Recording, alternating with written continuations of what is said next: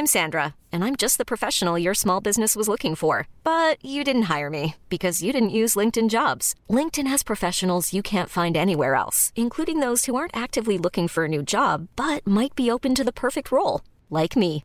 In a given month, over 70% of LinkedIn users don't visit other leading job sites. So if you're not looking on LinkedIn, you'll miss out on great candidates like Sandra. Start hiring professionals like a professional. Post your free job on linkedin.com/achieve today. Millions of people have lost weight with personalized plans from Noom, like Evan, who can't stand salads and still lost 50 pounds. Salads, generally, for most people, are the easy button, right? For me, that wasn't an option. I never really was a salad guy. That's just not who I am. But Noom worked for me. Get your personalized plan today at Noom.com. Real Noom user compensated to provide their story. In four weeks, the typical Noom user can expect to lose one to two pounds per week. Individual results may vary.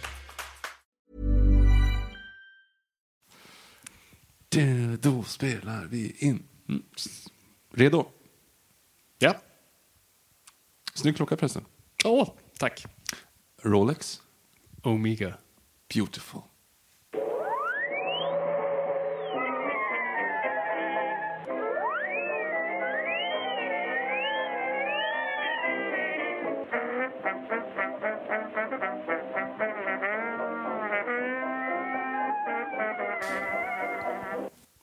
Då börjar det stort sett bara. Hej och välkomna till Noipod, a.k.a. Nörden och jag. Det är jag som är nörden Fabian Nordlander. Och det är jag som är jag, Viktor Engberg. Det här är podcasten i samarbete med Acast där vi pratar nördämnen, nördkultur, slags bildande syfte. Jag försöker bilda Viktor här i saker han tycker om men inte vet så mycket om. Exakt. Yes. Och idag så sitter vi We're här. back. Vi sitter här och dricker vårt eh, Gevalia-kaffe. Jag har precis ätit faktiskt kexchoklad och lite Milky Way. Jag tycker att det är en väldigt eh, bra... Jag, den, den här Ikea-soffan är väldigt trevlig och jag tycker att ett Mio-bord sticker, binder ihop hela det här rummet. Precis, jag skulle inte vara komplett utan det. Och till mitt eh, Gevalia-kaffe har jag såklart min trogna eh, Arla ekomjölk som kommer i en perfekt miljöförpackning. Ja, bra. Jag tycker också för övrigt att de här, eh, eh, vänta, vad, vad, heter de där ljusen? Ja, skitsamma. Kronljusen tänds väldigt bra av solstickan eh, eh, tändstickor här. För du kanske använder din eh, Zippo-lighter Jag använder såklart alltid min trogna Zippo-lighter som Ja. är såklart inhemskt gjort i USA. Ja, Ingen billig skit här inte. fast det är ju inte inhemskt om det inte är gjort här. Ja, det är klart, det kan ju vara inhemskt. Inhemskt Det, ingenting USA. är ju inte inhemskt om det är gjort i ett land, så att säga. Nej, precis. Men det kan ju vara, sägas vara ett amerikanskt märke. Alltså, Jo, jo, men det är ju inte inhemskt Så- om du, om du köper den i Sverige. Budweiser är amerikanskt, men det bryggs i... Jag tror, inte, jag tror det bryggs i Europa. Nej, men vad fan, det, all, det, bry- det bryggs väl typ lokalt, nästan allt. Men, men får- var det inte den här grejen med att Budweiser bara köpte upp, eller inte ens Budweiser, något företag köpte upp massa bryggerier i typ Tyskland. Och bland annat Jaha, men de gör väl det också, men det är väl den europeiska marknaden. Okej. Det tappas väldigt, alltså Coca-Cola tappas ju i Sverige också, Jo, svenska. Coca-Colan. Det är väldigt jobbigt med. Av alla ställen. Av alla ställen. Jag såg för övrigt att visst är det, de skickar väl bara koncentratet och sen så görs det med svenskt vatten. Det, det har jag faktiskt ingen aning om. Nej. För det är det jag suttit, ja, det är såna grejer jag sitter och tänker på ibland, just det här hemliga Coca-Cola-receptet. För det finns ju till exempel, jag har ju sett nu de här som gör handtvål till exempel, som bara har en liten tablett. Ja. Det är ju det nya coola. Vadå? En liten, liten tablett. Och sen så köper du bara, du har handtvål, alltså Ja. pumpen, du har Pump, pumpen. mm. Du lägger ner då tabletten och så fyller du på med vatten så blir det tvål. Så slipper du transportera hela den stora, samma sak med tandkräm till exempel. Du bara stoppar Så det in sparar liten så typ alla pengar. Ja, alla pengar. All transportkostnad och det är ingen plats längre och det är massa sånt. Miljön bra och sånt där. Precis. Ja, men trevligt. Men nu funderar ni, varför håller vi på att namedroppa en massa för, företagsmärken här nu hela tiden? Företagsmärken är inte bra svenska företag. Noipod helt sålda. Ja. Är vi uppköpta? Har vi Kan sålt ut oss? Kan det vara så? Nej, i, i den bästa av världar hade det varit så. Eh, det är vi inte. Eh, trots att vi, det är ibland reklam på den här podden. Eh, nej, vi tänkte prata produktplacering. Framförallt inom film, inte bara allmänt. Framförallt inom film, för att det är ju, det är ju någonting som går hand i hand i alla fall Hollywoodfilm. Uh, I stor film, eller i svensk film, alltså i, i stora filmer så har det ju alltid funnits produktplacering. Det är en, det är en stor reklampelare, de behöver pengar, någon är villig att ge dem pengar, någon behöver promotion, de kan ge promotion. Det är en perfekt hand-i-hand transaktion så att säga. Och uh, det är ett intressant fenomen. Du har, tänkt dig själv att du lever, lever in i den här situationen. Du har en, eh, en mat, matkedja, en restaurangkedja. Och du ser på tv att jävlar, den här Steven Spielberg-filmen om en liten alien, den går jättebra. Jag vill också göra en sån. Och sen så gör man en spin-off på den, men allting utspelar sig inne i din matrestaurangkedja. Du döper Alien inte till IT utan till någonting inom din matrestaurangkedja. Ja, någonting på din meny. Och sen så, sen så har du ett dansnummer inne på din restaurangkedja. Det är väl en bra idé? Det låter som en fantastisk idé. Mm. Varför gjorde de inte det? Ja, det var precis det de gjorde. För er som inte har sett Mac and Me, eh, gör inte det. Men det finns väldigt mycket roliga klipp på, på eh, internetet där ute. Den stora vida webben. Eh, McDonalds, vi kastar på oss rätt in i ämnet, men just den grejen att det är en sån jätteweird grej. Alltså det är inte så att du promotar en produkt i filmen, utan hela filmen är en promotion för en produkt. Precis. Eh, de gjorde alltså en spin, eller alltså en, en rip-off En på, en på spin-off. E.T. Där Alien heter Mac istället. Som het, filmen heter då Mac and Me. Och det finns ett dansnummer inne på en Donken när Ronald McDonald gör en full-on, liksom, vet, West Side Story-esk dans. Ja, det är hemskt. Det är kul. Det är jättekul. Ja, det, är, det är otroligt att, att det inte gick. Det är ganska kul. Ehm, Paul Rudd gör ju alltid det när han är på Conan O'Brien. När han ska visa ett klipp för sin film visar han alltid samma klipp från Mac and Me. Vilken? Och den gjort i 20, alltså rullstolen Ja. som faller ner för berget. Som är quite obvious en docka. ja, jo precis. Det är så dåligt ihopklippt det. Och det har bara Paul Rudd gjort nu i så här 20 plus år varje gång han är på Conan. Så, så här. "Ah, do you have a clip? Yes! Och så är det alltid Mac and Me. Eh, Ja, det är fantastiskt. Men jag tänkte bara först bara, i klassisk Norrpodd bara Viktor fråga så här, när, när kom du, för det, jag tycker ändå att det finns en punkt någonstans där man började inse så här, det är produkter. Det är- Kommer du ihåg när du tänkte på Ja, produktplacering? jag, tror att jag tror faktiskt att det är... Eh, alltså första gången jag verkligen så här, kolla det där är produktplacering och liksom det sa det högt. Och kom att, jag tyckte filmen var bra, men eh, det var mycket produktplacering. Eh, det är Tomorrow Never Dies. Ah. Alltså när ah, han ligger i okej. baksätet med och kör bilen med en Ericsson-telefon. Det, mm, det, det är lite väl Du, där tänkte, alltså. du ja. tänkte då alltså? Jag, ja. Ja, det var nog den gången jag tänkte så här, okej, det där är, nu, nu är det speciellt. Liksom. Mhm. Men jag tror till och med att det var typ din far som sa det. Jaha, säkert. Jo men alltså att han typ TV:n. att, att man klagade på någonting så här, när vi var, alltså, så här, för han är ju en James Bond-fan och jag kommer att vi pratade om, om James Bond och då sa han någonting om att ah, men det är så tuntigt att man ser att det är typ så här Ericsson, man ser att det är Rolex. Han sa Rolex dock, för det var första gången jag hörde typ ordet Rolex. det är ju inte- korrekt i en annan i en tidigare kontext. Ja. Mm. Nej men och då i alla fall så, så hela, hela grejen då, att då började första gången jag tänkte på det och sen så började det liksom, när jag såg det så tyckte jag att det var dåligt, men jag tyckte inte egentligen att det var dåligt, utan det var för att en vuxen person sa att det var dåligt som jag tyckte att det var dåligt. Och då är Tomorrow Never Dies den första jag tänker på. Ja, det, det, Okej. Okay. Jag, jag som ändå stort Bond-fan har, har nog in, noterade nog inte det som produktplacering. Såna här, alltså, det var ju, alltså, eftersom han använde, vi kan komma in på Bond, men han använde sig av saker som existerade på ett sätt som var ändå inkluderat. På ett sätt. Det var inte bara att han random drack en Coca-Cola. Eh, han, en Carlsberg istället. Eh, men, ja, men det, var, det kändes aldrig fult. Det var fult, men det kändes aldrig fult. Nej, för jag försöker själv bara komma ihåg, alltså jag kommer ihåg punkten i mitt liv när man var lite så tonårig och vresig. Man, så, här, kolla, man kände sig lite så översittare. Mm, ja, Att men- Man kunde så här, se igenom, så åh fult att de kastar in det där.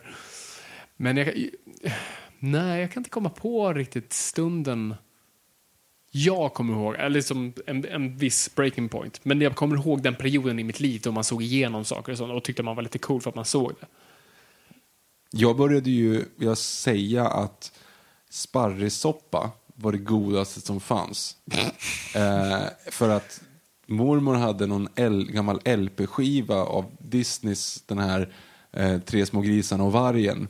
Ja. Och då så sa han att grisar är det bästa som finns näst efter, näst efter eh, rabarbers, eller näst efter sparrissoppa tror jag han säger.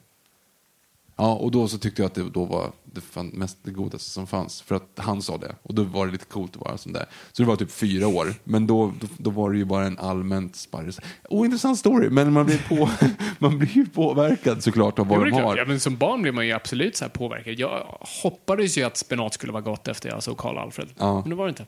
Nej, nej det, är- det är jobbigt. Samma sak dunderhonung.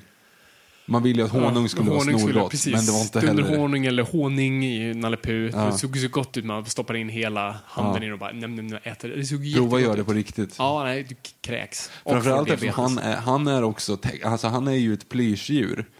Förstå vad kladdig han ska vara.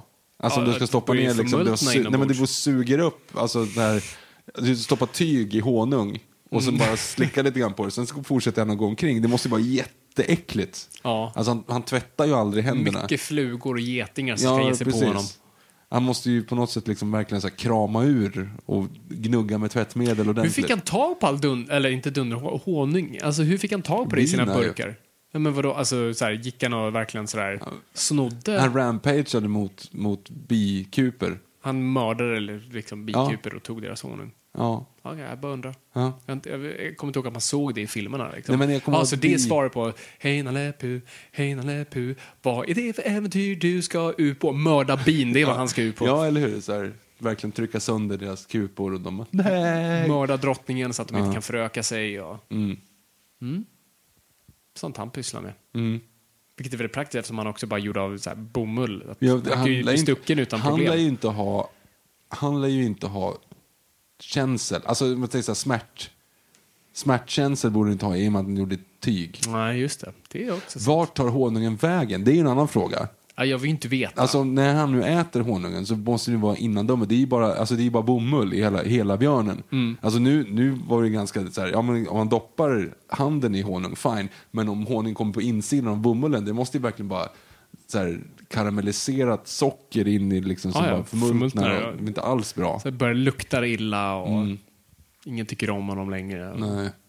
Christopher Robin bara så här, kastar att- alla gosedjur på bara sån här bonfire. Men inte undra på att de måste ligga ute i skogen. Ja, Liksom, där har du Han får inte ha dem i hemmet för att säga, fy fan vad din björn luktar illa. Nej, du får fan lägga ut honom i skogen. Det Mm. skiter i att han... Så kommer han dit ibland och tittar på bara. Ja, precis. Hmm. Vilka var riktiga djur av dem?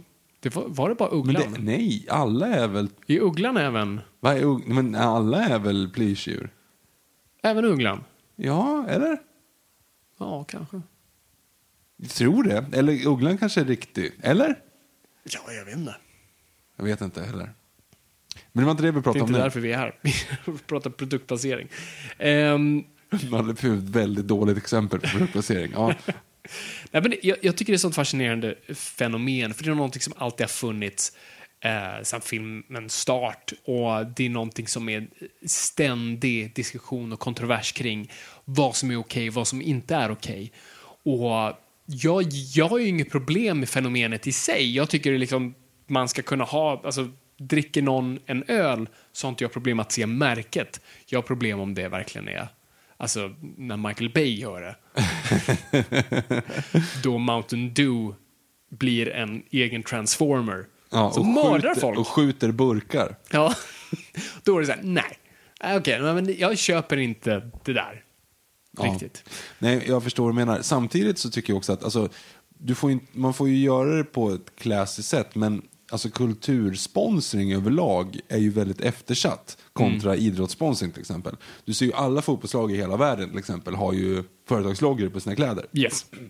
Och det är del av deras vardag. Ja. För det är, det är så de får intäkter för, deras, för att bedriva verksamheten. Liksom. Mm. Och vad är det som säger att filmer inte ska göra det? Nej, men precis. Och då är det liksom för att helt plötsligt blir det jättefult så här att ja men shit vad de, vad de sålt massa rättigheter i sina filmer. Ja men vad fan, alltså, de, de måste ju få in pengar på något sätt under själva produktionen och det är väl ett jättebra ja, exempel. Nej, men absolut. Och, och inte, jag tycker, alltså pengafrågan tycker jag är kanske det minst viktiga. Jag tycker bara sådär, det här är riktiga karaktärer i en riktig värld och de måste använda sig av riktiga saker som man inte bara måste hitta på skit hela tiden. För du måste kunna köpa, alltså det har, har någonting faktiskt med att köpa realiteten någon är i, genom att det faktiskt är någonting riktigt tycker jag. Mm. När man bara har liksom Floodwiser, vi är Ja, inte fi- sponsrade fi- av Budweiser för övrigt. 555 och eh, Big Kahuna Burger. Mm. Men, men det blir också lite speciellt. Solsidan är ju, är ju ett dunderexempel i svensk tv. Ja. Alltså, du har ju alltid, du har ju alltid så här un- underifrån och upp bild på Freddes Volvo när den kommer inåkande till Ja. exempel. Du har ju alltid den i, i, i perfekt bild och den är alltid blankt polerad och liksom skitsnygg. Ehm, han, jag vet att de tog upp det i Alex och Sigges podcast för ganska länge sedan. När de pratar om, om nya Apple, att, eller nya iPhone, typ när den kom. Då svär ju han över att den är dålig. Alltså han säger liksom jävla iPhone-jävel. Så här, alltså för att den, han tycker att den är dålig. Ja. Men då tänker man på att han har den. Liksom. Så hela, det är liksom en plottpunkt att han har dålig mottagning på sin nya telefon. Men det blir ändå på något sätt reklam för dem fast de bashar dem. Ja, nej, precis. Det, det började väl lite som ett misstag det här med, inte, inte som ett misstag så, men alltså hur de fattade vilken stor jävla promotion-scen de hade var ju, Mickan hade ju någon sån här konstig punch-show i så här, de första säsongen. Typ. Okej. Någon sån här, en, så här, ganska ful. Och det var lite, jag vet inte om det var, säg att det var Burberry, jag tror inte det var det, men det var något annat. Det var, så det var en ändå, liksom, det var ett mönster på den och den var skitful. Och det var lite skämtet att hon hade en sån, alltså den var bara, den var dyr, men skitful, men den är dyr. Och det är, lite, det är liksom den karaktären. Och den butiken som sålde det sålde ju slut den veckan på den produkten, för alla sprang och köpte den. Aha. Så även det, ett skämt där, eller som började som ett skämt, så här, kolla vad fult det här är, blev populärt. Och jag tror det är så de insåg någonstans att det var så här, kan Nej, men de kan nog sälja ganska bra med pengar just Solsidan. Men om man tänker till stora filmer. Alltså just Sverige eh, har ju sina riktigt bra exempel. Vi har ju sagt det flera gånger tidigare. Men till exempel eh, Peter Stormares Hamilton. Han bryter ju sig in på en ambassad med Statoil-kort. Alltså det är ju det är otroligt bra. inte lika fancy det här Nej, landet. men han ska, han ska in liksom, han ska öppna en, en hasp på ett, ett fönster och sitter utanför fönstret och stoppar in liksom och så här, klick, så här, stoppar in kortet och, och lirkar upp låset. American Express, Statoil. Ja, ja men det, är ju vår James Bond liksom, eller vad man ska säga. Det är inte riktigt lika Omega-it. Eh, vi har också Göta kanal 2. När eh, Kronofogden Magnus Härenstam jagar Janne Loffe Karlssons båt mot eh, slutet där. För han ska utmäta båten. Och då så, för att komma ikapp honom så hittar han någon sån här snubbe med en skärmflygare. Och då är det alltså en bild på när Magnus Härenstam sitter i den där skärmflygaren. Och det är uppenbart att de har tagit den i one shot för att den är jättedåligt utzoomad. Och det är liksom säkert, det är han på riktigt visserligen, men det är ändå väldigt liksom uppenbart att, att nu gör de det här på riktigt bara för att han ska få göra det. Liksom. Och då så när den lyfter så står det jätte, jätte, jättestort www.skärmflygning.se på skärmen på den där skärmflygaren. Vilket är så här, ah, come on! Snacka om att greppa efter strån där. Ja, jo, precis. Det var det vi kunde få. Inte liksom stora båtbolag som man kanske tänker att det skulle vara. Mm. Men, mm. Jag, vet inte, jag kan inte komma på några. Alltså, har vi några så här stora svenska institutioner? Prosit. Tack. Ehm, som verkligen kan sälja. Förutom Solsidan är ju verkligen ett så här unikt fall nästan. För vi har Ja. aldrig riktigt haft en sån här, någonting du kan sälja bra med. Nej, men framförallt har vi inte haft en sån stor serie sen SVT hade sitt monopol. Typ. Ja, nej, precis. Och de kan ju aldrig visa märken, så att nej. Nej. Alltså, det är ju fortfarande en gre- grej folk försöker navigera sig runt. Men, eh, nej, men jag, jag har alltid tyckt det varit ett kul fenomen och här, hitta produktplacering och se, se hur, hur det används. Jag tror kanske så, om man ska gå på ett, det fulaste, smartaste är ju Castaway. Ja, fast det är, nej, det är inte det fulaste, det är det bästa. Det är faktiskt det bästa. Jo, men det, är alltså, ja, precis, alltså, jag tycker, det är både det bästa och det sämsta. Alltså, jag tror det bästa är, är ju Wilson, Ja. som är då den här bollkaraktären, som är märket Wilson. Så, alltså, märket är en karaktär. Jag kan inte komma på ett annat Nej, det är det, nej, det, är det kontext där det någonsin har hänt. Och det är ju hur smart som helst. Alltså jag visste inte vad Wilson var innan det och sen från och med nu. Jag kommer ihåg när jag skulle köpa tennisracket för, för, för en ja, massa år sedan. Då ville jag ha Wilson-racket för oss. Ja, Wilson. Ja, de lyckades ju. Så de lyckades ju uppenbart där. Och det, men jag är ju så mot, mottaglig för sånt där. Eh, men sen har du hela Fedex-biten av det hela som är lite mer weird. Ja, men då är det så här, du ska, ja okej, ja, ja, jag köper att han, det är liksom the FedEx way, att han sparar det där paketet. Ja. Att han inte öppnar det, utan han väntar liksom att få Leverera leverera det. Den är lite cheesy. Det är sån jävla bra customer service på Fedex. Ja, ja, precis. Men det är ändå liksom så här, alltså om man tänker att han ska ändå ut och flyga. Mm. Och det, det är ju grejer att det finns liksom presenter Ja, precis. i de där som man kan nyttja. Ja. Det vore dock kul i nästa scen när han lämnar det där paketet och hon, tanten som har väntat på det där i sju år öppnar och det är en sån satellittelefon med extra batterier. Ja, just det. det hade varit kul. Det hade varit jättekul. Ja. Ja, nej, men så, så Castaway är ju faktiskt är ju väldigt bra där. Jag tycker Ja. det är ganska briljant. Att framförallt Wilson. Och sen kan man ju diskutera Fedex som är, ja det är ju plotten i stort sett. Sen, sen har vi en ganska ful Tom Hanks som man är inne på. Kommer du ihåg You Got Mail? Ja. Hela inledningsmonologen handlar ju om Starbucks. Och hur det förbättrar ditt liv. För det, och det kan ju vara ironiskt också, jag vet inte riktigt, men det, är absolut inte det de sålde det till Starbucks. Alltså det handlar ju om, alltså det är hela den här morgonrutinen, vi har ju Tom Hanks voiceover, han pratar ju om hur på Starbucks, bara genom en beställning, gör tre livsval på en gång. Du vet. Va? ja, men det är något där. Det har med hela livsfilosofin att göra med Starbucks som så här, du behöver inte tänka själv, du kan bara gå in dit. Alltså i stort sett bara pr- pratar som att här, man- är dum i huvudet. Okej. Du behöver inte göra något val, du behöver bara gå in, gå in och beställa någonting och då har du gjort tre val samtidigt. Det är så effektivt så att du har gjort allt i en beställning. Men vad är, vad är det för livsval du gör? Nej, men jag vet, det reflekterar, för det, alltså det han säger är i stort sett hur kaffet ska vara. Är de, de här valen. Jag säger det här och då får jag kaffet så här, så här, så här. Och, men det kan även översätta. Det, har någonting med hans livsfilosofi att göra. Aha. Jag kommer inte ihåg, för det var länge sedan jag såg den Men filmen. Men, går det var en sån där säger- ful grej jag kommer ihåg. Man, man bara wow. Men om man går in och säger stor svart ta med jämt, då det blir inte så mycket. det är inte så Mm. Mycket livsfilosofi i det. Nej, precis. Men du får alltid ett... Ja, jag vet inte. Mm. jag, kolla filmen, anklaga någon, inte mig. Men det kan ju ha alltså filmen handlar ju också om hur stora conglomerates liksom trampar över de små. Men jag tror inte det är det de sålde som Starbucks är, liksom, spelar en inte det. jättestor roll i det. Eh, name drop igen. Jag var ju i New York i november. Satan i gatan, jävlar i havet vad mycket Starbucks där. Jag kan tänka mig. Nej men alltså det är i varje kvarter och man tänker liksom att ja, det, är, det är New York, no shit. bara, Men, men, nej, men alltså det är verkligen i varje kvarter. Det är helt sjukt. Ja. Alltså det, det, det var helt galet.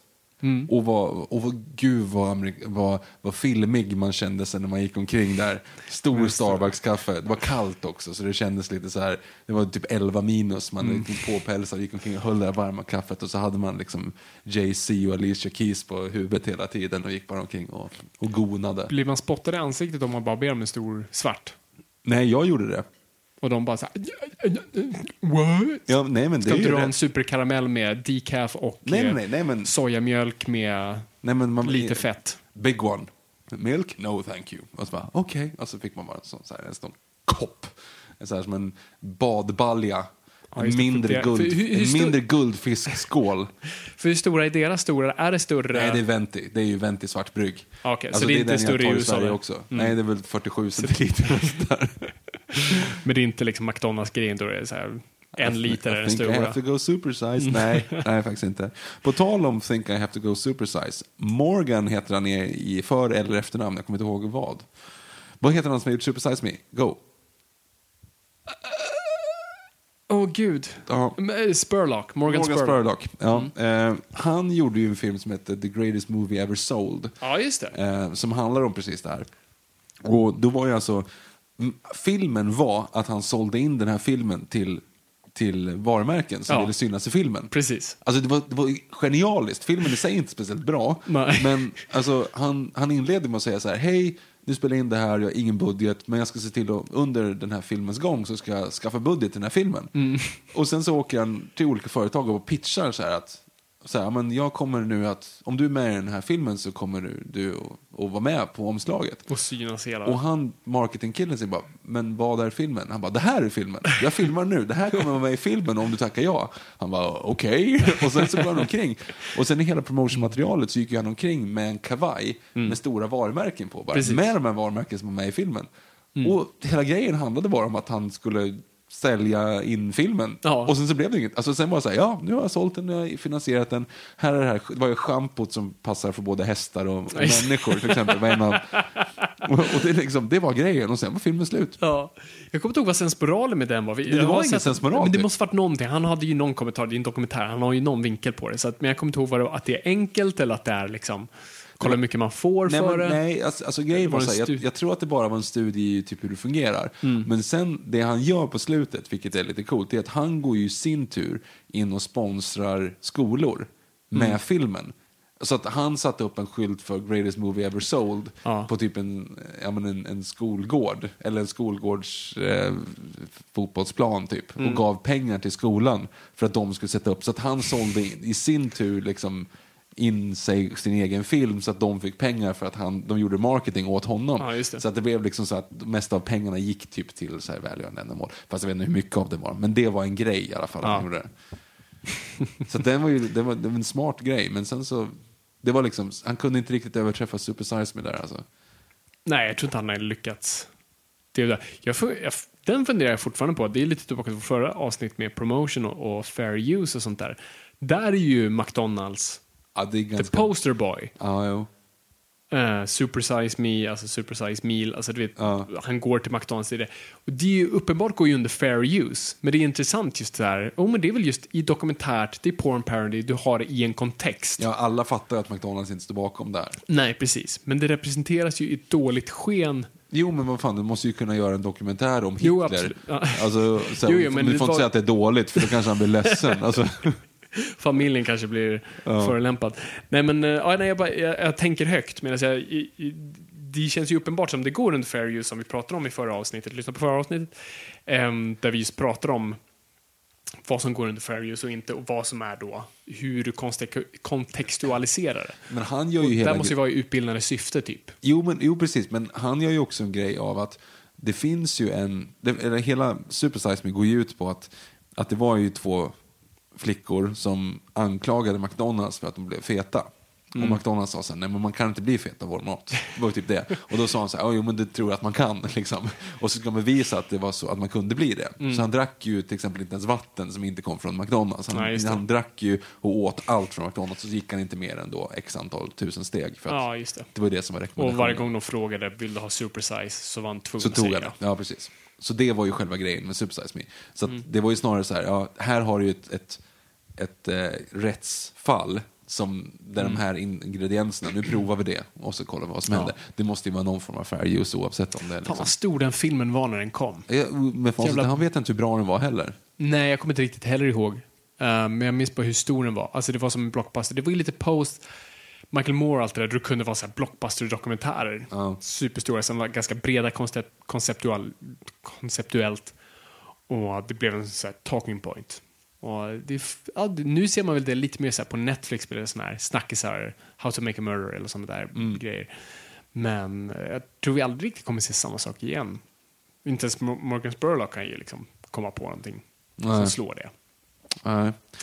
Nej, det är fascinerande. Men det var inte därför vi är här. Det är inte därför vi pratar eh, produktplacering. Men eh, ska, ska vi prata om, om, om den eh, stora Omega-klockan i rummet? Ehm, Bond. Ja. För det här är ju som jag, ni som lyssnar på podden och, och därav känner mig, vet att jag är en sucker för Bond och därav också en sucker för det Bond har. Jag är en sucker för produktplacering. Jag har ju varit det sedan jag var liten. Om någon jag såg upp till använde någonting i film eller tv så ville jag ha det. Alltså, Ja. Och jag vill ju alltid ha, och det är, det är bara så jag är kodad antar jag, för jag vill ju alltid ha saker så som det var. Jag var till exempel nu, jag skulle döda tid på Mall of Scandinavia för jag, för jag väntade på frun. Tänkte, men jag går in på Disney Store.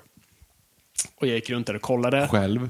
själv. Och vilket man känner sig automatiskt så här creepy. Så jag tänkte, jag ska inte stå bland prinsessklänningarna utan jag måste kolla på någonting så det makes sense att jag ska köpa. Någonting coolt. Någonting coolt. Men det, det är ju ännu konstigare typ om du... Jag vet inte ens varför jag tänkte, Varför, skulle du stå, varför kunde du inte kunna, kunna köpa typ en prinsessklänning? Till någon. Ja, precis. till någon. Men man känner sig bara automatiskt creepy, men jag vet inte varför. Det är ingen annan som tycker, man, ja skitsamma. Så jag gick omkring där och så gick jag förbi först muggarna. Och där hade de ju, eller såna här kaffemuggar och, så, och där hade de ju Chip, bland annat. Ja. Men det var ju Chip stor Mm. och eh, han var liksom i en pose. Det var lite så här, ah, men det där skulle jag inte vilja, jag vill ha Chip i det. Men sen framförallt såg jag ehm, Spargrisen från Toy Story. Ja. Vad heter han? Ham. Han heter bara Ham, eller hur? Och han var, också, han var i en pose. Ja, men? Så här böjd. Men förstör! Men han ska ju vara som han ser ut när han är i stelt. Ja. För då hade jag köpt den där och då. Ja, då jag, så jag här, förstår. Fan, jag behövde en spargris. För då hade den varit exakt som han såg ut och då. Nej, men jag- jag och så hade jag kunnat fantisera om att den växte liv när jag lämnade dörren. Nej, men jag, jag är helt med på tåget. Och det är ju lite grann samma sak som hela Toy Story Promotion är. Ja. Alltså du vill ju ha leksakerna som, Som de de, ser ut. Precis. Eftersom det är öppet mål. Exakt. Det är leksak av en leksak. Det är bara rakt av så. Precis, och därför Woody och Buzz var ju enklare. Mm. För de var ju typ som de var. Uh, så därför, men till exempel Rex störde jag också mig alltid på. Ja, Att eh, han var i en pose eller något. Han såg inte ut som han gjorde. Åh, mm. Ja, det är öppet mål men ändå så Ja, drar ja men du, man har, ju- du kan ju verkligen göra över. det. känns, är det inte andra som tänker så? Så jag tänkte ofta så som barn. Så jag, jag kommer ihåg en av mina favoritleksaker var en McDonalds-leksak och det var lampan från Aladdin. ja, ja, men ja, okej. Ja, jo, Om du, men om du skruvade på botten av lampan så, pop, så poppade locket upp och då var liksom anden, liksom bara huvudet som poppade upp med då locket som hatt. Jag vet precis vilken det var. Yes, och jag, bara, jag gillade den för att när den- den bara stod som den var så såg den ut som lampan, vilket var nice. Men jag gillade inte att så här, varför måste anden vara i? Nej, jag vill bara ha lampan som den är. Och jag, också för några veckor sedan så kollade jag runt på Ebay efter så här, finns det replikas på lampan? Ja, det finns det. Ja, det gör det. Ja, ja. Så jag direkt började säga, åh gud, jag, nej, jag, fy, fy, låt bli. Jag var väldigt nära på att köpa den. Ehm, så där har ju, jag har ju alltid varit åt det hållet. Mm. Så det är, ju- det är inte konstigt att, när du är Bond-fan, att det är en guldgruva för dig. Nej, För- nej, mig. nej, men jag förstår. Jag är helt med. Och Bond har ju en intressant liksom, historia, intressant, men det, det är ju historien om produktplacering. Alltså innan vi går in på den, Ja. så skulle jag bara vilja ha lite produktplacering även i den här podden. Oh.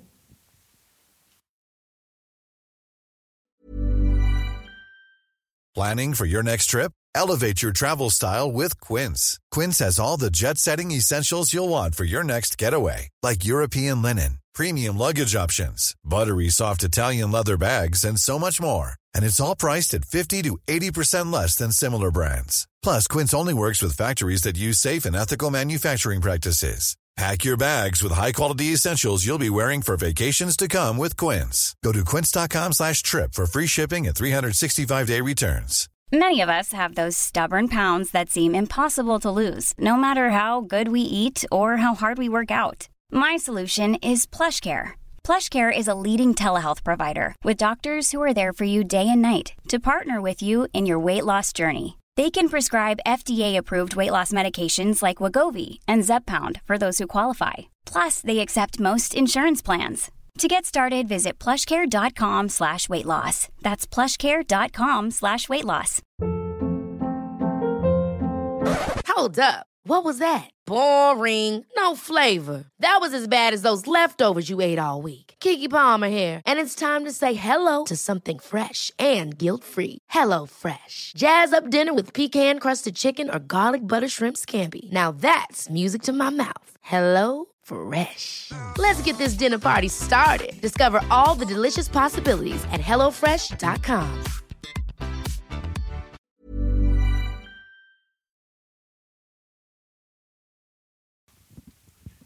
Nu får du prata James Bond, igen.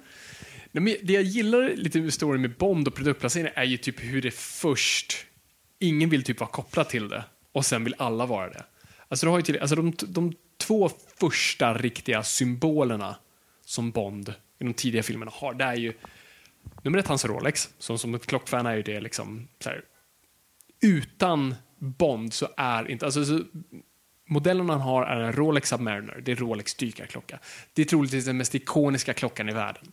Det är den, eh, är du lite nyrik så är det den du troligtvis köper. Eh, så den har ju blivit lite smutsig med tiden, men det är, det är ju den, den fina liksom, symbolen för Smutsig. Ja, det är ju lite nyrikt och lite sådär douchebagigt att ha en Rolex Submariner. Kanske ännu mer än Daytona, men eh, Submarinern är lite av en statussymbol idag.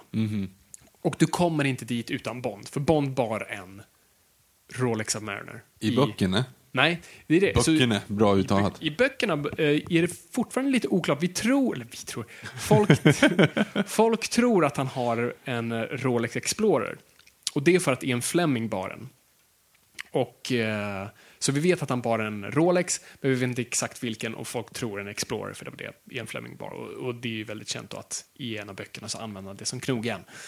Och det är därför vi vet det. Så eh, det är coolt. Men eh, det hade de inte, och det, det tror jag bara baserades på att jag tror det var alltså Terrence Young egna personliga Rolex som de bara, eller det var någon i produktionen här för mig, så, men ta den. Och sen tror jag de frågade om Rolex ville ha någon liksom, koppling till filmen och bara nope. För Rolex är också väldigt känt för, de har aldrig jag vet inte om det var en etos då de hade, men de har all, de det är ett jävligt coolt företag. För de ser till att aldrig tacka ja till någon ful promo-grej. De sätter bara sitt märke, de är på Wimbledon och någon till så sportevent.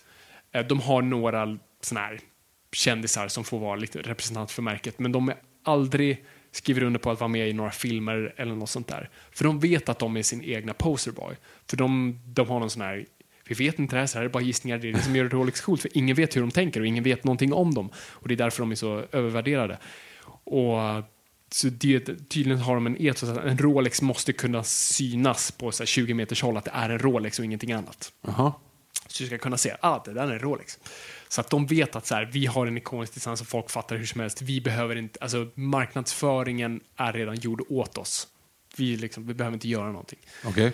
Eh, så de tackade nej att vara sponsor av Bond. Så de har bara varit med i Bond-filmerna för att så här, de har var, alltså, produktionen har valt att göra det men har aldrig haft ett officiellt samarbete med det. Men, men ändå har Rolex lyckats profitera av det för att Submarinen är inte Submarinen utan att Bond-baren. Och den modellen som Bond väl använder, använde i de första filmerna är den... eh, Paul Newmans Daytona är mer högre värderad, men efter det kommer James Bonds. Men vad hade Paul Newman den i för någonting då? Han, han, det är också en ganska... Okej, vi, ska inte, vi ska prata om klockor en vacker dag, då ni tolererar oss. Men kort gott, så här, Newman, alltså den, troligtvis den mest ikoniska sportklockan är eh, en modell som heter Daytona. Det är Ja, tidtagarklocka. Den som också var douchey nu helt plötsligt. Då, Ja, precis. Men den som den ser ut nu, inte som den var då. Eh, Den såg annorlunda ut då. Eh, Det var en så här tidtagarur som, som var ganska, den var inte populär alls. Men eh, Paul Newman som var väldigt intresserad av bilsport fick, den, fick en sån modell av sin fru med liksom en inskrivning på baksidan. Dry safe, me. Eh, me var då liksom Hon. hon. Ehm, och han bar den hela sitt liv. Jag vet fan om han ens hade den i några filmer, men han bar den hela sitt liv och den fick då namnet Paul Newman. Inte officiellt, men det fick smeknamnet Paul Newman. Och blev en ikon utifrån det och sen har man alltid kallat Daytonas, den Daytona-modellen för Paul Newman. Den, den är väldigt eftersökt. Och nu för två år sedan såldes Paul Newman, den officiella Paul Newman, Paul Newman, hans klocka för 15 miljoner dollar. Jish! Hoppla. Så det var ganska mycket. Eh, men okej, så bortsett från det. Så, så Submariner är inte Submariner utan Bond, så det är ganska coolt. Och sen har du ju Aston Martinen. Som också, Aston Martin blir inte Aston Martin utan Bond. Och eh, produktionen frågade först Jaguar, tror jag, om de ville vara med. Och de var nej, glöm det! Så, så de gick då till, eh, ni Aston Martin som så här, brittiskt bilmärke som inte så många köper. Vill ni vara med? Ja, ja. Och så var de med. Och nu är ju DB5 den mest ikoniska bilen någonsin. Jag tror den vann ett nytt pris bara här veckan. Ju så här, fortfarande den mest ikoniska bilen som någonsin har gjorts. Där han kör i Goldfinger. Um, men sen när Bond blev populär, då var det ju alltid liksom, då ville jag, märker man, jag tror en av de första som hakade på var Smirnoff. Så då såg Sean Connery ser man dricka Smirnoff vodka. Eh, vilket jag inte tror han gör i böckerna, så det hade nog, så här, det hade nog Ian Fleming fnyst åt. Men, eh, så han är alltid burit märken och sen har det varit mer och mer. Och sen nu är det ju, alla vill ju hoppa på, tå- på Bond-tåget. Så, så om man kollar på klockor till exempel, då har ju Bond först eh, Rolexar och sen hoppar han över till Seiko för då blir det lite futuristiskt för det är digita- digitala klockor. Så och eh, Omega kom ju inte in förrän Pierce Brosnan och då är det eh, Lindy Hemming som, som är då eh, kläddesignerna designer för filmerna. Hon be- bestämmer sig för att eh, Bond ska bära Omega för hon kommer ihåg från sin familj att hennes brittiska officerarfamilj hade Omegor. Så då tog hon kontakt med Omega som kunde inte vilja, vilja annat än att vara med där, för de verkligen behövde det. För Omega var inte det de är idag då. Aha. Omega var först, typ bättre än Rolex, ansågs vara högre än Rolex, hade funnits längre än Rolex. Men sen kom Rolex och sen kom framförallt Quartz-krisen, alltså när batteriklockor kom, så att massa klockbolag gick under, bland annat Omega, men så räddades av en så stor conglomerate-grej, skitsamma. Så Omega på 90-talet var inte vad de en gång var. De var liksom ganska lågt ner på näringskedjan. Men så Det är den därför det finns relativt mycket billiga Omegor på Ebay. Yes, och Omega kan du hitta fortfarande relativt billigt, förutom vissa modeller såklart. Men, men alltså, Omegor mellan 60-talet och 90-talet kan du få. Du säger billigt, alltså klockbilligt. Vi Jämförelsevis med vad de ja. kostar idag. Ja, precis. Köper en ny Omega idag så snackar vi helt andra prisklasser. Nu är de ju uppe i snart i Rolex-siffror igen. Och det är ju tack vare Bond ännu en gång. Bond räddar Omega från ingenstans. Så då tar de in eh, Seamastern som är då den modellen som nu är, den modellen het, liksom är Bond-modellen. Och, Och det är också den typ snyggaste klockan som finns. Ja, det är liksom så här. Jo. Ja, jo, alltså jag tycker det för att jag växte upp med det var första klockan jag noterade. Jag förstår att det, det inte är det, men det är det jag tycker. Jag tycker det är en sån här, det är en, det är drömklockan nummer ett. Och uh, det är ju för att Bond bar den och det är den man ser, det är Bondklockan. Han bär den inte då, han bar den mellan Goldeneye och uh, Casino Royale. Sen har Daniel Craig bytt upp sig till lite andra, bland annat den du har, som man har i Skyfall. Um, nej, men så, Det, det är den jag menar. ja, det var den du Ja, menade. det är ju en Seamaster. Va? Det där är en Seamaster, Ja. ja precis. Det- Jag trodde det var den du menade. Jaha.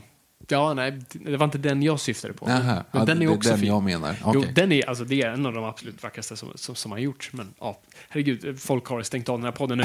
eh, nej, men, det, men det är därför jag alltid dragits till Bond. Just för han använder så, eh, så här, Bond älskar det bästa i livet. Så det han använder måste vara det bästa. Smirnov. Ja, alltså, Seiko. ja, vad, är det för bil han kör i For Yours Only?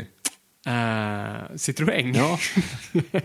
men det är ju, ja, det är ju, det är en anspelning på, det är ju en del av skämtet nästan, men eh, den har ju blivit ikonisk tack vare det. Nej, men det och, och det var nog därför jag alltid drogs till det, för det var så här, jag behöver inte göra valet. Så här, jag vill hitta bra solglasögon. Ja, men så här, ska jag, vad har Bond? Ja, men då, då tar jag det. Och det, så det har alltid varit ett sånt enkelt val. Så jag har Tom Ford-brillor, mina sneakers, de enda sneakers jag har, för jag bär oftast det Adidas Gazelle som man har i Skyfall. Alltså, du vet, jag tar de grejerna som han tar för att det är, så här, det är uppenbart det bästa. Det är inte för att jag tror att jag är närmare James Bond, utan det är snarare så här, det måste vara bra. Och det ser snyggt ut på en snygg person som bär det. Så när Craig bär någonting så bara, ah, det där var snyggt. Nej, nej, men jag förstår vad du menar. Jag är ju lite likadant. Jag har ju också snöat in mig farligt mycket på just det. Men jag tror att det är mer ditt fel faktiskt, Ja, än James. Bonds fel. Vill du se ut som mig? Är det det du säger? Ja, precis. Nej, men, det, nej, men jag är till och med nu, det, det är lite varning faktiskt, men jag köpte Tom Ford-strumpor herregud. till Idrottsgalan. Gud. Eh, jag De, de, där stängde alla normala personer av. jag vet. Ja, men för att det skulle kännas lite, lite extra sådär. Fortsätt får man. Nej, men det, det, det är bara så fascinerande tycker jag, just hur, hur Bond fungerar på så vis. Och att det är kul, alltså, eftersom jag ändå är lite den communityn, att så fort det släpps en ny Bond, eller när en ny Bond-film spelas in, då är ju alla på nätet och bara gräver efter paparazzi-bilder och bilder någon tar behind the scenes och ser vad Bond bär. Och så fort, alltså på några minuter så ligger det uppe på nätet, så att han, kolla det är den här jackan, den kan vi köpa här, här, här, här. Så att det blir ju oftast att så här, saker tar slut i butikerna och på nätet innan den här filmen ens har kommit, för Bond-fans är så medvetna och vill ta reda på det så pass snabbt. Och um, det är ju, alltså, ett, ett märke kan ju verkligen leva länge på. Jag har fortfarande inte köpt det. det, är, det har jag tänkt ska vara min nästa grej. Och det är Barber-jackan som Bond bär i Skyfall. Ja. När han då i sista akten är i Skyfall. Och det är ju någon sån här, det är ju Bondjackan för Barber. De har lyckats sälja, den finns kvar. Det, den har varit där sedan 2012. Det är bara för dem nu att bara fortsätta pumpa ut dem för att folk köper för jag vet, alltså, Märket Sunspell som, som gjorde väldigt mycket för Casino Royale säljer fortfarande samma kläder som från 2005. Ja, just det, Alltså, som, det är ju inga märken som säljer sina gamla grejer från så här, 15 år sedan. nej, det är weird. Men märken gör det. Alltså, det finns gamla solglasögonmärken som har, som har uppdaterat alla sina grejer förutom Bondmodellen för de vet att folk kommer köpa den här. Alltså skjortan som eh, Sean Connery bar i, ja jag tror det är Dr. No, säljs fortfarande. Jaha. Jag för- kan köpa Bonds skjorta från 60-talet fortfarande. Jaha. Och det är inte en, liksom en, en billig kopia av ett annat märke eller något sånt som gjort det, utan det är det märket. Eh, och det är jävligt coolt. Men hur är det? Tom Ford jobbade ju som kostymdesigner på, eller på bara Daniel Craigs kostym Han, typ. eh, ingen På- kostymdesigner, nej, utan de har försett Bonds kostymer. Aha. Tom Ford. Eh, mannen han, har ingen... För han är ju credited som costume department på Quantum of Solace. Ja, precis. Där får han en credit faktiskt. Mm. Han är inte kostymör, men han är någon slags konsult. Eller, det är någonting han får, jag kommer inte Mm. ihåg exakt vad. Och efter Quantum of Solace har Tom Ford försett Bond med i stort sett alla kostymrelaterade grejer. Ja. Och jackan han har i eh, Spectre ju. Den här... Eh, Svarta? Ja. Mm, precis, det stämmer. så det blir mer och mer. Och det är det som är så kul, för Craig har ju också fått så lite att säga om sin kostym. Så det är, ju- oftast hans val nu också. Så han väljer typ det han vill ha på sig. Mm. Ja. Ja, gud. Jag har fastnat i Tom Fords-träsket måste jag säga. Alltså, Ja, det- men det blir ju men lätt det är så. ditt fel. Det Ja, är, bara, det är bara ditt fel. Alltså vilken man. I de här intervjuerna när han pratar om hur han typ så räddade Alltså det, det är helt... eh, Vem då menar du nu? Nej, men, Tom Ford själv? Ja, eller? Tom Ford själv. Ja, ja, gud ja. Nej, men alltså hela han, när han kom till Gucci på 90-talet Ja, och just det. vände alltihop Vände och så allt köpte de Yves Saint Laurent och så Mm. bara så här, nej men jag vill göra någonting annat. Så han, han köpte ut, eller han hoppade av typ de två av de största modehusen i världen som han typ själv hade vänt Mm. från förlust till ett av de två av de största varumärkena i världen. Och sen så bara, men jag vill jobba med film, regissera två jävla dunderrullar och sen så bara, nej men starta ett eget märke också och sen nu så går det hur bra som helst för alla sätt och vis. Han, Ja, nej, men det vilken, är- vilken kar. Han är, jag är ett stort fan av mannen Tom Ford, Mm. nästan mer än själva märket. Jag tycker det är, för ni som lyssnar nu, sorry, det här är inte Klädpodden, utan han, han är en fantastisk regissör eh, och bara kreatör överlag. Jag inspireras av honom som en, bara allmän kreatör. Och det är jättekul att lyssna på intervjuer med honom och kolla intervjuer med honom. Han har en väldigt bra här, han har ett väldigt bra driv och en bra livsetos, hur han jobbar och hur han ser till att få saker gjort och sådär. Han är väldigt motiverande för en. Så att också det, det, det kommer med livsfilosofi. Herregud, vi verkligen dr- dricker the Kool-Aid där. jag, jag, det är precis som You Got Mail. Jag gillar inte bara Starbucks-kaffet, jag gillar livsfilosofin det kommer med. Åh Ja, herregud. du ser, vi är, vi är redan sålda. Åh fan. Ja, Ja, ni ser in att vi inte i den här podden, utan det här är faktiskt, vi är bara dåliga på att inte ta betalt. Ja, precis. Ja, men det är det här Bond gör. Det leder in en till de här grejerna så blir man fan av märket. Det är så mycket, alltså alla saker jag har är i stort sett någonting. Mycket av det jag bär är det som Bond har, eller jag har någonting, jag hade inte råd med det då, så då köpte jag något som var likt det. Jag har en polotröja på mig nu för det är vinter och jag har hatade polotröjor fram till Spectre kom. Nej, är det så? nu tycker jag det är ascoolt, så nu har jag en massa polotröjor när det är vinter. Fabian. Jag vet, jag vet, jag vet, jag vet. Mitt, på klockan jag har nu som inte är en Omega men som är en Seiko så har jag då ett klockarmband som är då, det är inte, det är inte Omega-seglar men det är, det är samma stuk som klockarmbandet han har i Spectre också. Så att, fan jag har jävla Spectre-outfit på mig. Ja, jag tänkte inte väl, ens på det. du är väldigt Spectre idag. Alltså. Shit. tänkte inte på det. Ja. Ja, men du ser, det är det här det gör med en.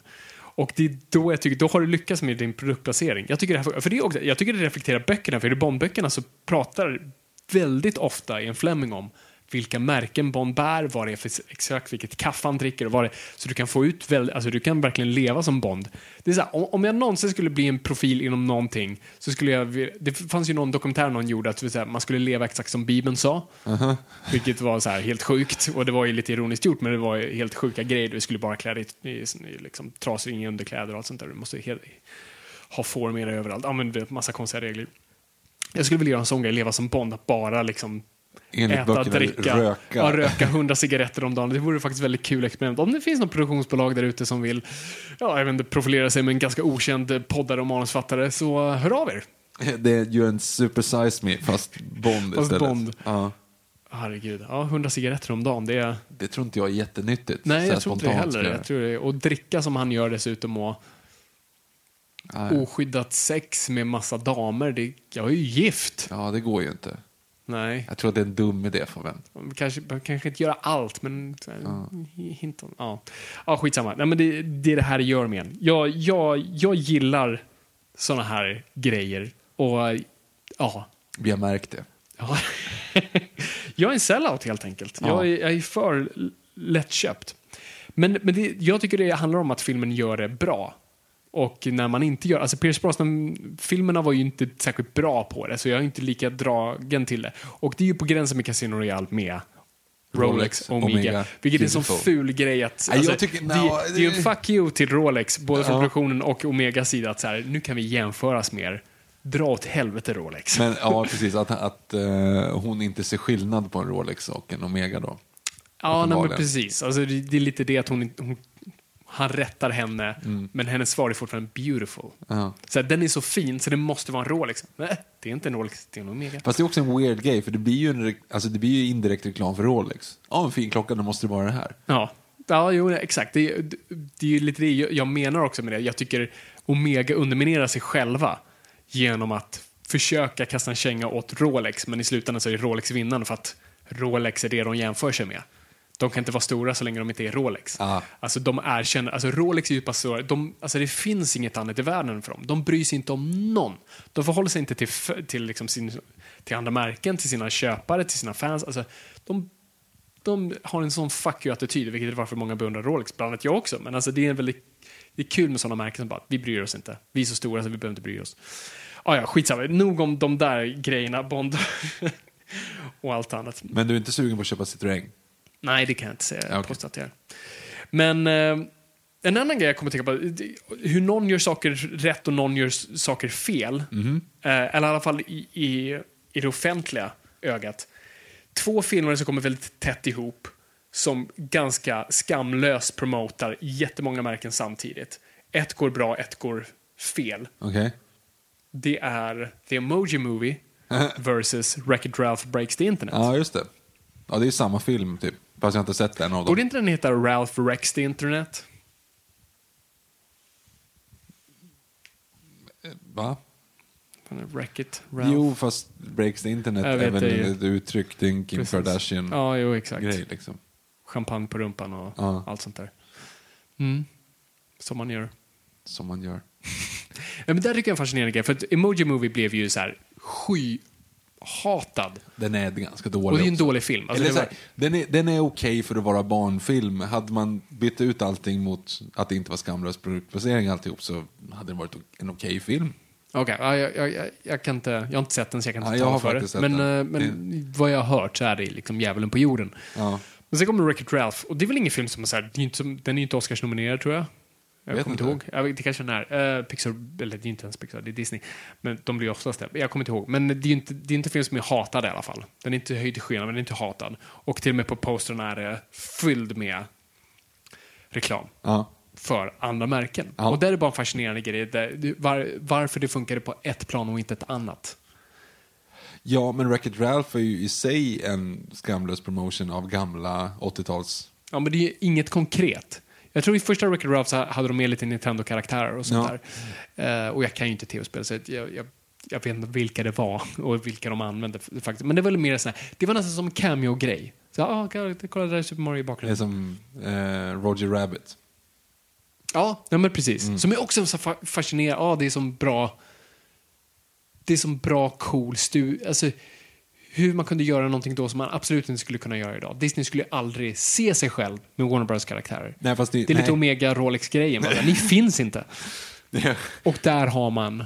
Jo, men de hade väl också att de skulle vara exakt samma Ja, precis, screen det var det. time, Det som var ju- alltid med i samma bild hela tiden. Precis, och det är, så det mest kända fallet är det ju Kalanka vs. Uh, Daffy Duck. Mm. När de kör liksom sin playoff med piano. Och det var ju Mm. väldigt... Det var ju hugget i sten hur mycket de två skulle vara tillsammans och den ena fick inte vara utöver den andra. Typ Mycket de där grejerna. Jo, och så när Mickey Mouse och Snurre Sprätt kommer i, i fallskärm va, också. Då kommer de exakt ner i bilden samtidigt Mm. Ja, och åker ut exakt samtidigt för att de inte skulle ha någon Precis. Inget märke på väktarna. Lite som när, jag tror det var, var det Paul Newman och Robert Redford eller var det Paul Newman och uh, Steve McQueen? Någon av de två ehm, var med i en film tillsammans.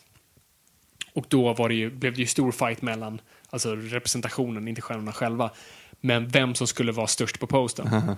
Och då kom man ju överens om så, alltså namn, vad namnen skulle vara någonstans. Och då kom man ju till slut överens om, okej, men Paul Newman får vara högst upp, men till höger. Medan Steve McQueen får vara längst ner, men till vänster. så det var liksom balansen där. Då stod ingen över den andra. Och det var lite samma sak då i ja, precis. Den. Men det, den hade ju aldrig kunnat göras idag, alltså Ro- Roger Rabbit, i form av märken och sånt där. Eller märken, alltså, Nej, men de, man licensierar ju allt. Alltså, du får ju aldrig... Ja, nej. nej Mm. det var ju precis. licenser då också, men när man bara Jo, lyckades... jag menar, men du, du hade ju i, i beslutande rätt, tänkte säga. Vad heter, vad heter det? Eh, Exklusivitet på ett Ja. helt annat sätt. Nej, precis. Eller har.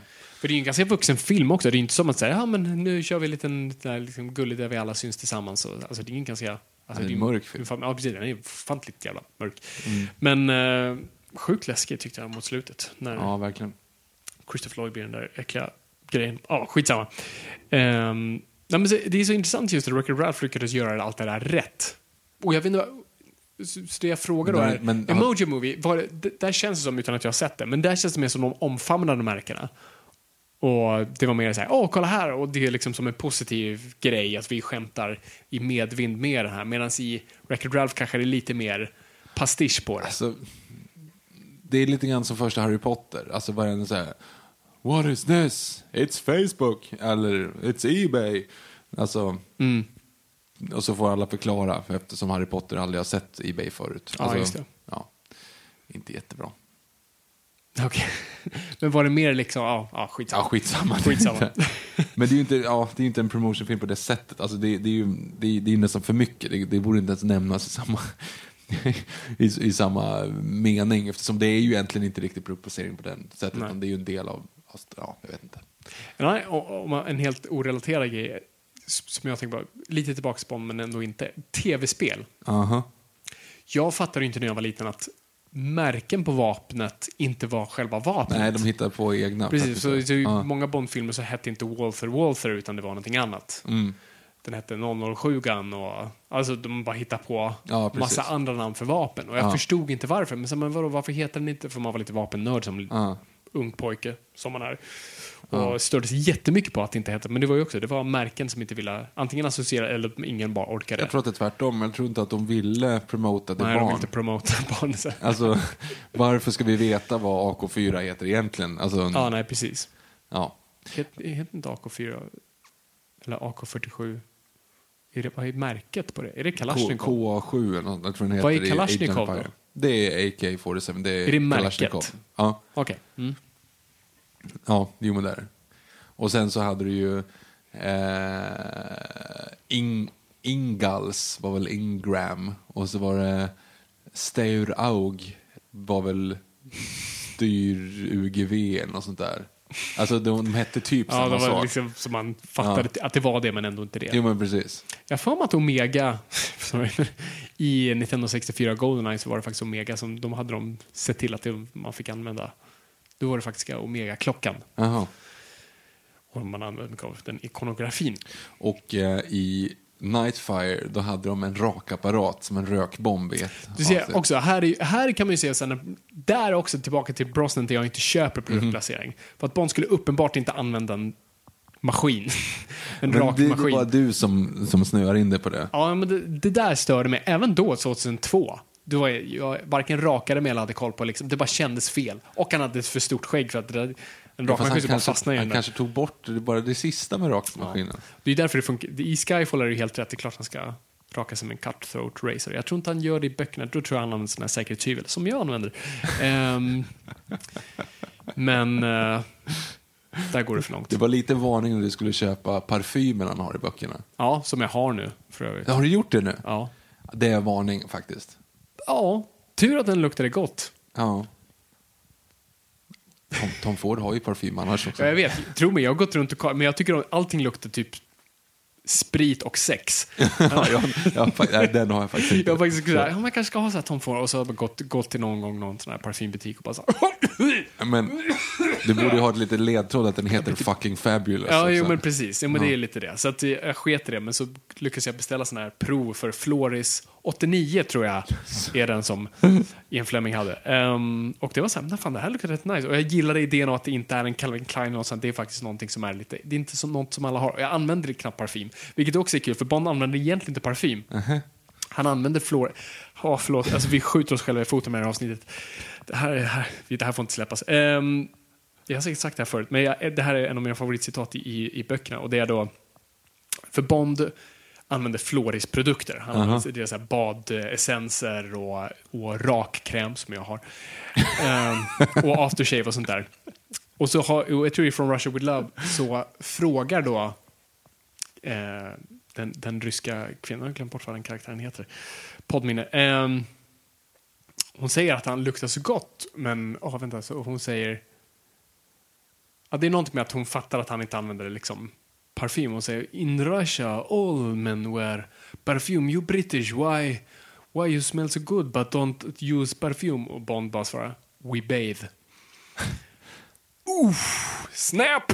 Okej, och då har han sådana produkter i badet. Ja, det är mer liksom så här, fast det är mer en så här, ryssar luktar så illa så de måste dränka sig själva i parfym. Vi bara badar. det var ju ingen produktplacering i den visserligen. Men... Nej, nej, nej, men det var... Jaha, det var bara en Tro stick. mig, jag har rotat på internet för att det var så här, det har varit bråk mellan Bond-fans. Använder Bond Floris 89? Och det är så här, ja det gör han. Och sen var det någon så här, nej för kolla här i From Russia With Love. Och så använder de, tar de det citatet, bara kolla, han erkänner här att han inte använder parfym, bara badprodukterna och raktvålen, men inte själva parfymen. Det var bara en Fleming som gjorde det. Och, så det... Tro mig, jag har gått ner mörka gränder i, på nätet för att lista ut alla de här Jag grejerna. förstår det. Åh gud. Det här var... Men det finns ju sådana här 007-parfymer Ja, annars precis. Ja. Jag luktade på en sån en gång och Mm. det värsta var att den luktade gott. Så jag blev, jag, för en sekund var så här, maybe, och sen nej, nej, nej. Du har ju din Batman-parfym redan. Jag har min Batman-parfym, precis. Och, eh, nej, men, och det är lite som att ha en Batman-parfym då, eller som, som Hannibal eh, Lecter när han kritiserar eh, vad heter huvudkaraktären i Röd drake? Clarice. Eller jaha, ja, Edward Norton. Ja, det är inte karaktärens namn. Det är, Jo, Edward Norton. tror han inte, heter han Will? Eh, Ja, Då frågar han han, han, han känner lukten av hans parfym i alla fall och frågar om eh, själva locket har en segelbåt. Är en segelbåt. Mhm. Alltså just det, barn, som en barntvål. Det är också en sick burn. Okej, jag ska sluta med överklass-skämten här. Sick burn. Ja, men det, jag tycker produktplacering är väldigt fascinerande. Det är kul när det är plottpunkter, lite som E.T. också med eh, Hershey's. Hershey, ja. Hershey använder det, alltså godiset är en plottpunkt där med att man lockar till sig E.T. med det och sen även eh, de här CIA-människorna hittar godiset och därför kan spåra. Du vet massa sådana grejer att det är en plottpunkt men det är ju faktiskt Hershey's, är ju- alltså det är ju godis, varför inte använda godismärke? Och det gick ju skitbra för Hershey's efter det. De alltså, för, sålde hur mycket som helst efter det. Top Gun. Top Gun är ju också, det är, så här, användes, ja, det är ju typ en plott, det är ju plotten. Alltså det är Hela ju, plotten är det. det. är ju försvaret. Alltså det är US Army och de var sponsorer av filmen. Mm. Helt klart. Och de, jag vet inte alltså det, Ansökningen gick upp med 500 procent till marinen efter filmen premiär. Men det är också utöver det, för det är ju en ganska stor, säg, men de, det är ju det filmen handlar om. Eh, men det är klart, man hade kanske inte förskönat det på samma sätt om inte de hade varit sponsorer. Men sen var det ju Ray-Bans pilotbriller också som gick ganska bra. ja just det, för det, exakt. För Tom Cruise var ett tag så här solbrillepojken. Han hade ju haft, eh, nu ska jag säga, det är Wayfarers han har i, Party at Kitty and Studs. Det är inte den va? Är det den? Nej. Nej, det är Sylvester Stallones första. Eh, Men vad- gud, vad heter den? Risky Business. Risky Business, då har jag Wayfarers och de blev ju superpopulära. Och det var ju också Ray-Ban och sen har han ju Aviators, de klassiska pilotbrillorna som var också Ray-Ban. De blev tokpopulära efter det. Så att, Och har ju fortfarande sin charm. jo, jo, det är också så här, Mm. du kopplar ju typ sådana briller till alltså flygvapnet och Tom Mm. Cruise och allt det där. Så det är ju fortfarande den profilen de har. Så det är också jävligt coolt att en film lyckades. Alltså så skamligt var promotion för någonting men ändå bli en ikon. Mhm. Och nu kommer ju tvåan då. Ja, precis. ja, det blir intressant. Undrar, undrar, jag tror inte armén har någonting med det att göra. Känns inte som det. Nej, det är bara Tom Cruise som har sagt att, eller Ja. som säger, du ska få flyga på riktigt. Amen. Trots att han är på tok för gammal för att realistiskt vara. Du har ju inte närmare 60-åriga ja, men han måste ju vara någon form av, han, han är ju som eh, Alec Baldwin i ehm, Pearl Harbor. Pearl Harbor, exakt. Mm. Ja, Han måste ju vara en sån karaktär. Det, så här kommer det vara. Han är en sån karaktär som så här, lär ut de här, Ja. unga, heta killarna. Men så kommer det bli något problem då han måste sätta sig i plan för att lösa det. Och, But you're the president.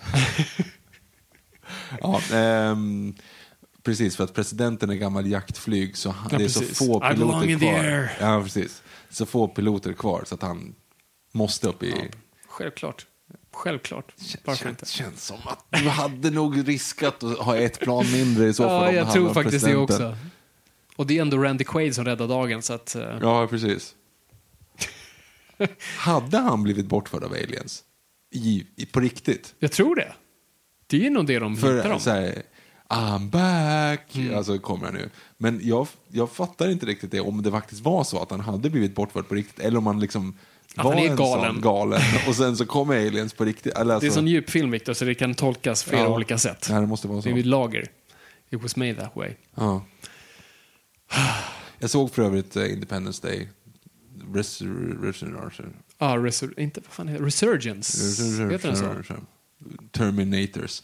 Ehm, Terminator. det var, det var, gud vad bland den var. Ja, det är så himla tråkig. Jag var så chockad när jag såg den, hur tråkig den vem, var. har, vem har godkänt det här? För den var ju typ produktion länge också. Jag tänkte, nu, nu, är det någon jävlar. som har tänkt till, men Ja. det var verkligen så här. Oj, var, var det det här det var? Det är så. Det är ingenting originellt. Säg en scen. Alltså, jag, jag kommer inte ihåg. Nej, jag kommer bara ihåg den enda- stora Queen Alien-grejen som springer omkring i öknen där med skolbussen. Men det är bara för att jag kommer ihåg, jag såg det bara så här, vad är jag någonstans? Jag förstår ingenting. Det har jag glömt bort. Jag, jag kommer ihåg Johan, militärledaren där som har ritat ut de här symbolerna. Helt det kommer jag ihåg. Ja, okej, men jag har glömt bort Alien. Jag kommer ihåg att det var ett stort skepp och den hade en egen, egen dragnings... Tyngdlag. Ja. Kallar man det? Jag Gravitation blandar ihop det nu med Terminator Salvation, för de var också ute i öknen och så en jättestor grej som samlar på sig saker. Ja, just det. Som Ja. i World Worlds, men inte riktigt. Nej, och den är ju bra. Jo, jag det- vet, men de samlar också på sig typ människor. Ja, det gör de. Den suger upp människor. Ja, Sprutar ut blod ganska grovt. ja. Det är en bra film. Resurger. Nej, inte den. Jaha, ja. Nej, så är det. Jag vet inte var vi kom någonstans med det här. Men där har du också produktplacering för övrigt. Vad, vad är Visst det? är det den? Ehm, ehm, ehm, ehm, ehm, Goldblum eh, ställer ju fram en colaburk, väl? Och så ska de skjuta på Ja, just det. den. Skjuta bort kolaburken, ja. Mm. Och så sätter han på skölden och sen så Ja, just det. kan du skjuta den. Mm, nej, men det. precis. De var ju tvungna att använda någonting. Där är ju okej med det. Men så, nej, länge, jag kommer inte ihåg om det var en colaburk så det kanske inte var så så effektfullt. länge han inte säger always och dricker och så, ah, Alltså du vet, då, då blir det, känns det ju fel. Welcome to Panties Paradise, eller vadå? Va? Always. Jaha, nej, men always Coca-Cola. En, jaha. Ja, just inte det, fast- always I'm your Venus eller något sånt. Nej. Nej, nej, Panties Paradise tror jag. nej, men... Uh, jaha, ja just det. Always, eller Enjoy Coca-Cola var det väl förut? Enjoy var det förut. Förut, sen nu, det- är det Always nu? Ja, det- Nej, det är det inte längre. Det var, för det var väl så här, always Coca-Cola. Holidays are coming. Ja, det är en- holidays, just det. Holidays are coming. Always Coca-Cola. Ja, just det. Ja, precis. Always. Coca-Cola. Ja, just det. För det var ju säkert efter New Coke som de var tvungna att bara så här, vi kommer inte ändra någonting. Ja, och så... Nej, det var New, jo, det var New Jo, Coke. New Coke. New Coke. New Coke som, som ehm, var sån här... Jag kan inte prata. Vad heter det när någon som endorsad av eh, Bing Crosby? Bill Crosby. Bing Crosby. Bill Cosby. Bill Cosby. Inte Bing, Bing Crosby. Han sjunger julsånger. Yes. Bill Cosby, helt annan grej. Yeah, Han var ju Just ansiktet utåt för, för New Coke. New Coke. Så det, det verkligen failar på alla nivåer nu. Ja, precis. Och Michael Jackson var för Pepsi. Pepsi. Ja, Och håret började brinna och allt sånt där. Var det för Pepsi-reklam? Det var Ja, det var det. Ja. 90-talet. Mm. Någonstans. De var ju för övrigt speciellt. Nu, nu är det lite, lite från ämnet men ändå lite Mm. grann. Men alltså, reklamfilmerna som blev filmiska. Ja, vill säga, dels fotbollsreklamerna som ja blev som var. Pepsi med Men David We, Beckham där. men We Will Rock You med eh, Beyoncé och Ja, Pink och Lil Kim Just och det, de gjorde den ja. ja det, Pepsi var ju, de var ju duktiga på att haffa artister. De Ja. körde Michael Jackson, du kommer ihåg eh, Britney Spears hade ju också typ en hel låt om.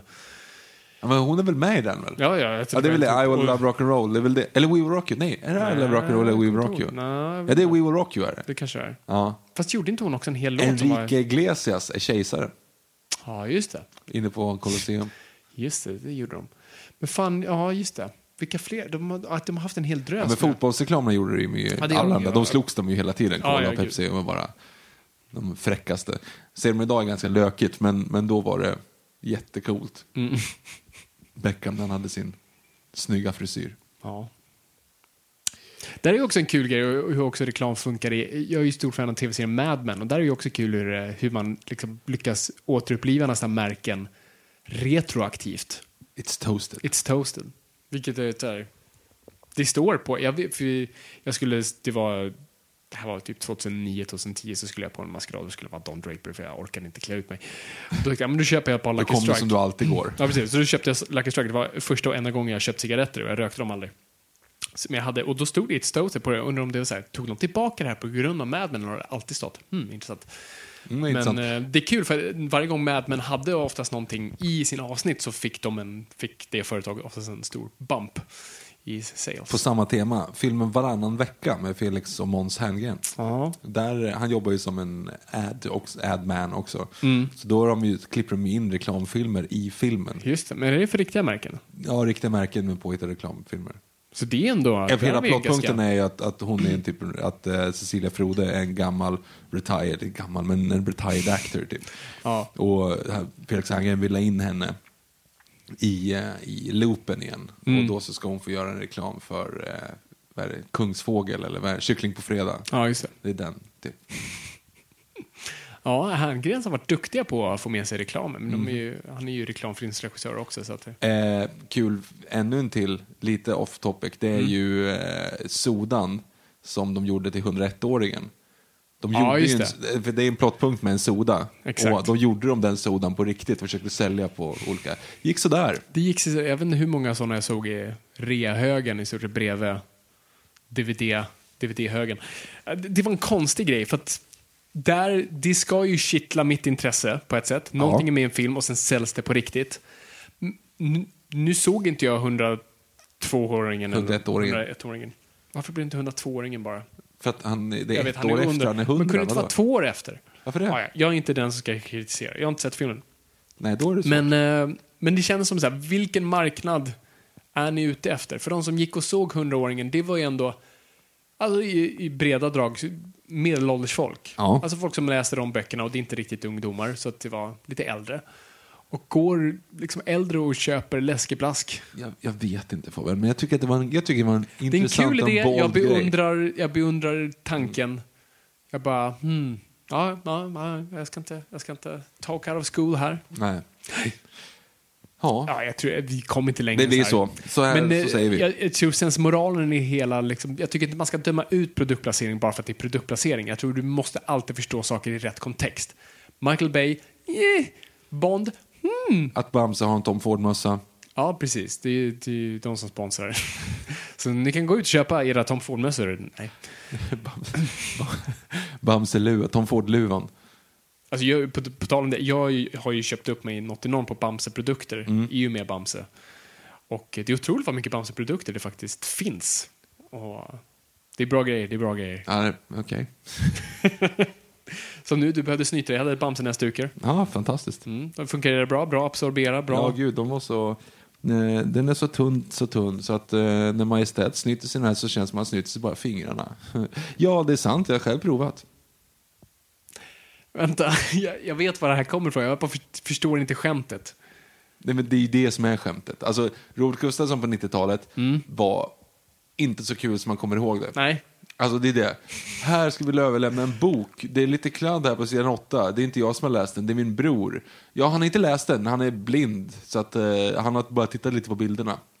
ja, just det. det. Åh, vad det var roligt. Den försökte jag bara smyga in i normal konversation som sju till nioåring. Ja, jag Typ ge någon en bok och bara, det är min bror som har läst den. Han är blind. Han har bara tittat på bilderna. Ja. Vi förstår. de vi förstår. här, Tack. Vem är du? Tyst. ja, jag har dragit en presentation om Färöarna också och ritat hur grindvalarna simmar runt i och cirkulerar i en fyrkant runt och hela den storyn om, om en lite... Du kan inte rita fult. Åh gud. Eh, jag fick också betyget att jag tappar tråden lite väl ofta. Nej, tappar du tråden? Tappar vi tråden? Oh, story of our lives. Ja, nej, jag, det finns inte så mycket att göra. Nej, Jag tror vi ska avsluta det här. det gör vi. Yes. Vi är tillbaka nästa vecka. Japp. Och då tror jag vi ska prata om konceptet samlande. Om varför vi samlar på saker, vad jag samlar tror på och varför jag har gör redan det. varit här ja, nu. i stort sett. Men vi ska gå djupare på det. Ja. För att jag är lite om en livskris just nu. Okej. Men vi kommer in på det. Ja. Men vi ses nästa vecka. Det gör Så vi. vi bommar igen det här. Det gör vi. Tack så jättemycket för att ni har Det gör lyssnat. vi. Det är Ja. kul att vara lyssnad. Det är det. Kom, kom ihåg oss Jag folk. ska göra det. Okej, ingenting är för nördigt.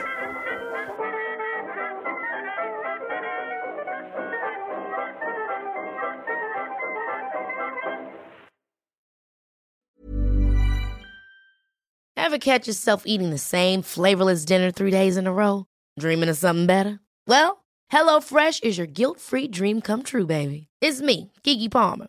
Let's wake up those taste buds with hot, juicy pecan-crusted chicken or garlic butter shrimp scampi. Mm. Hello Fresh. Stop dreaming of all the delicious possibilities and dig in at HelloFresh.com. Let's get this dinner party started. Hi, I'm Daniel, founder of Pretty Litter. Did you know cats tend to hide symptoms of sickness and pain? I learned this the hard way after losing my cat, Gingy. So I created Pretty Litter, a health monitoring litter that helps detect early signs of illness by changing colors, saving you money and potentially your cat's life. Pretty Litter is veterinarian developed, and it's the easiest way to keep tabs on your fur baby's health right at home. Go to prettylitter.com and use code ACAST for 20% off your first order and a free cat toy. Terms and conditions apply. See site for details.